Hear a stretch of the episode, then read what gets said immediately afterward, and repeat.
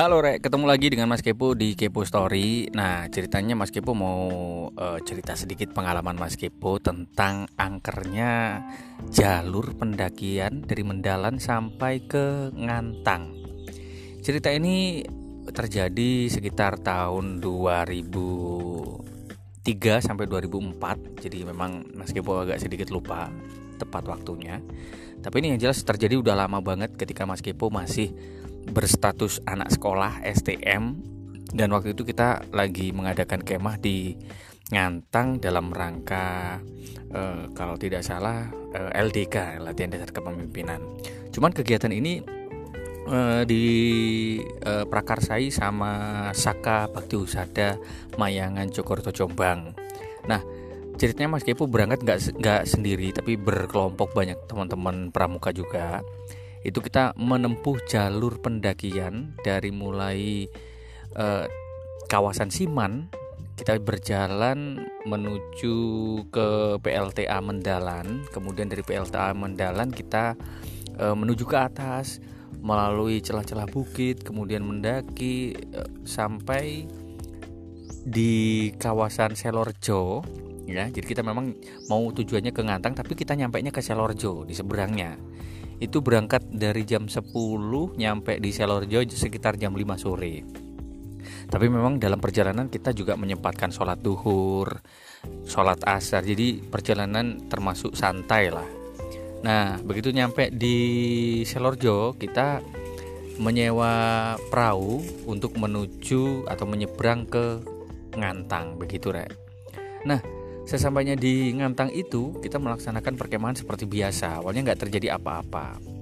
Namun di malam harinya udah mulai terjadi keanehan. Salah satu uh, dari peserta udah mulai mengigau, mengigaunya itu dengan teriak-teriak seperti seperti orang kesurupan. Tapi begitu dibangunkan udah uh, udah udah biasa gitu, bukan seperti orang kesurupan. Nah, udah itu beberapa saat kemudian eh, kalau nggak salah udah lain hari besoknya itu mulai ada yang kesurupan. Nah kesurupan ini eh, agak menjengkelkan. Kenapa disebut menjengkelkan sama Mas Kepo ini? Karena satu peserta sembuh beberapa menit kemudian pindah ke peserta yang lain mengalami kesurupan yang eh, gelagatnya hampir sama begitu. Pindah-pindah seperti itu. Nah kebetulan di salah satu peserta perkemahan itu ada yang sedikit ngerti tentang keilmuan e, kanuragan semacam itulah metafisis dia agak ngerti. Akhirnya begitu ditangani merasa kejanggalan. Ini kayaknya yang bikin apa namanya kesurupan ya makhluk yang sama karena tingkah lakunya juga hampir sama. Padahal yang kerasukan tuh beda-beda. Satu sembuh beberapa menit pindah lagi yang lain ikutan apa namanya kerasukan seperti itu Nah, ada satu peserta cewek yang seingat Mas Kepo itu paling lama. Jadi dia kesurupannya itu paling lama.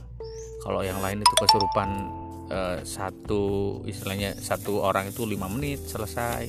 Tapi yang ini bisa lama banget sampai dia bisa bercerita segala macem. Mulai dari cerita dia penghuni mana, penghuni batu mana, dia cerita panjang lebar banget gitu loh di di cewek yang satu ini. Namanya Ima ya. Temannya Mas Kepo namanya Ima ini dia sampai bisa bercerita bahwa itu dia itu makhluk dari penunggu salah satu batu yang ada di perjalanan yang kita lewati jadi jalur pendakian kita. Cuma kita lupa gitu loh di mana karena di sepanjang perjalanan kita juga melakukan peristirahatan itu berkali-kali gitu loh. Kalau ada batu pemandangan bagus dikit kita uh, istirahat di tempat situ. Nah, usut punya usut si Ima ini ternyata waktu pendakian itu dalam kondisi menstruasi gitu loh, dalam kondisi nggak bersih. Nah, ketika dia kondisi seperti itu ternyata duduk di batu yang kebetulan ada penunggunya itu tadi. Nah, penunggunya ini merasa merasa diremehkan atau mungkin merasa diganggu. Akhirnya mengga, uh, membuat teman-teman atau kegiatan kita yang terjadi di sana itu juga nggak lancar rencana pendakian dan perkemahan itu awalnya dari mulai berangkat sampai pulang rencana cuma tiga hari dua malam rek. Tapi karena kejadian ini kita hampir satu minggu berada di lokasi. Karena apa?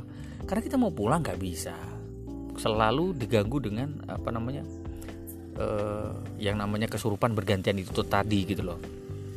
Sampai akhirnya teman-teman udah mulai kehabisan bekal kehabisan uh, uang saku dan akhirnya mau tidak mau harus pulang harus pulang saat itu juga. Kita kita paksain buat pulang kita paksain buat uh, pulang dengan segala macam cara baik itu uh, gandol kayak apa kayak istilahnya kita cari tebengan macam-macam yang penting kita bisa pulang saat itu juga. Itu pun dalam kondisi salah satu teman itu udah lemes udah lemes banget. Apalagi si Ima ini udah lemes banget karena berkali-kali dia apa namanya kerasukan gitu. Udah sampai lemes akhirnya kita gendong bahkan nuntun gitu se istilahnya bekerja sama bagaimana caranya biar pulang.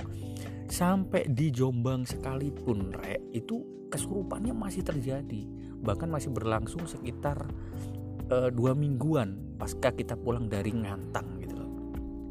Dan anehnya yang yang masuk atau misalkan uh, sosok dari yang merasuki Ima itu tadi itu juga sama ngeraconya sama ceritanya sama gitu. Loh akhirnya ketika kita minta tolong orang pintar waktu itu uh, meskipun lupa siapa namanya yang jelas ada syarat apa gitu.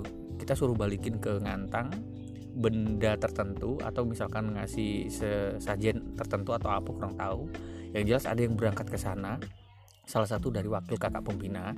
Kemudian setelah disampaikan di sana dilarung di mana kurang tahu e, baru berangsur-angsur kejadian kesurupan itu berkurang. Dan sampai akhirnya sampai saat ini pun sudah sembuh total. Dan ini anak ini anak. Ketika sudah sembuh total itu dicerita e, ditanyain tentang kesurupan itu dia udah hilang. Ingatannya itu hilang. Jadi dia merasa lupa gitu loh. Loh kita kemah ke sana jadi ya kemarin. Itu malah begitu. Jadi ingatannya e, tentang kejadian-kejadian itu parsial tidak sepenuhnya dia ingat gitu loh. Iya ya kemarin saya pernah ke sini jadi masih begitu begitu jadi ya, itu rek cerita sepenggal kisah. Angkernya jalur pendakian ya dari kawasan PLN Mendalan sampai ke Ngantang Malang begitu. Sampai ketemu di cerita-cerita selanjutnya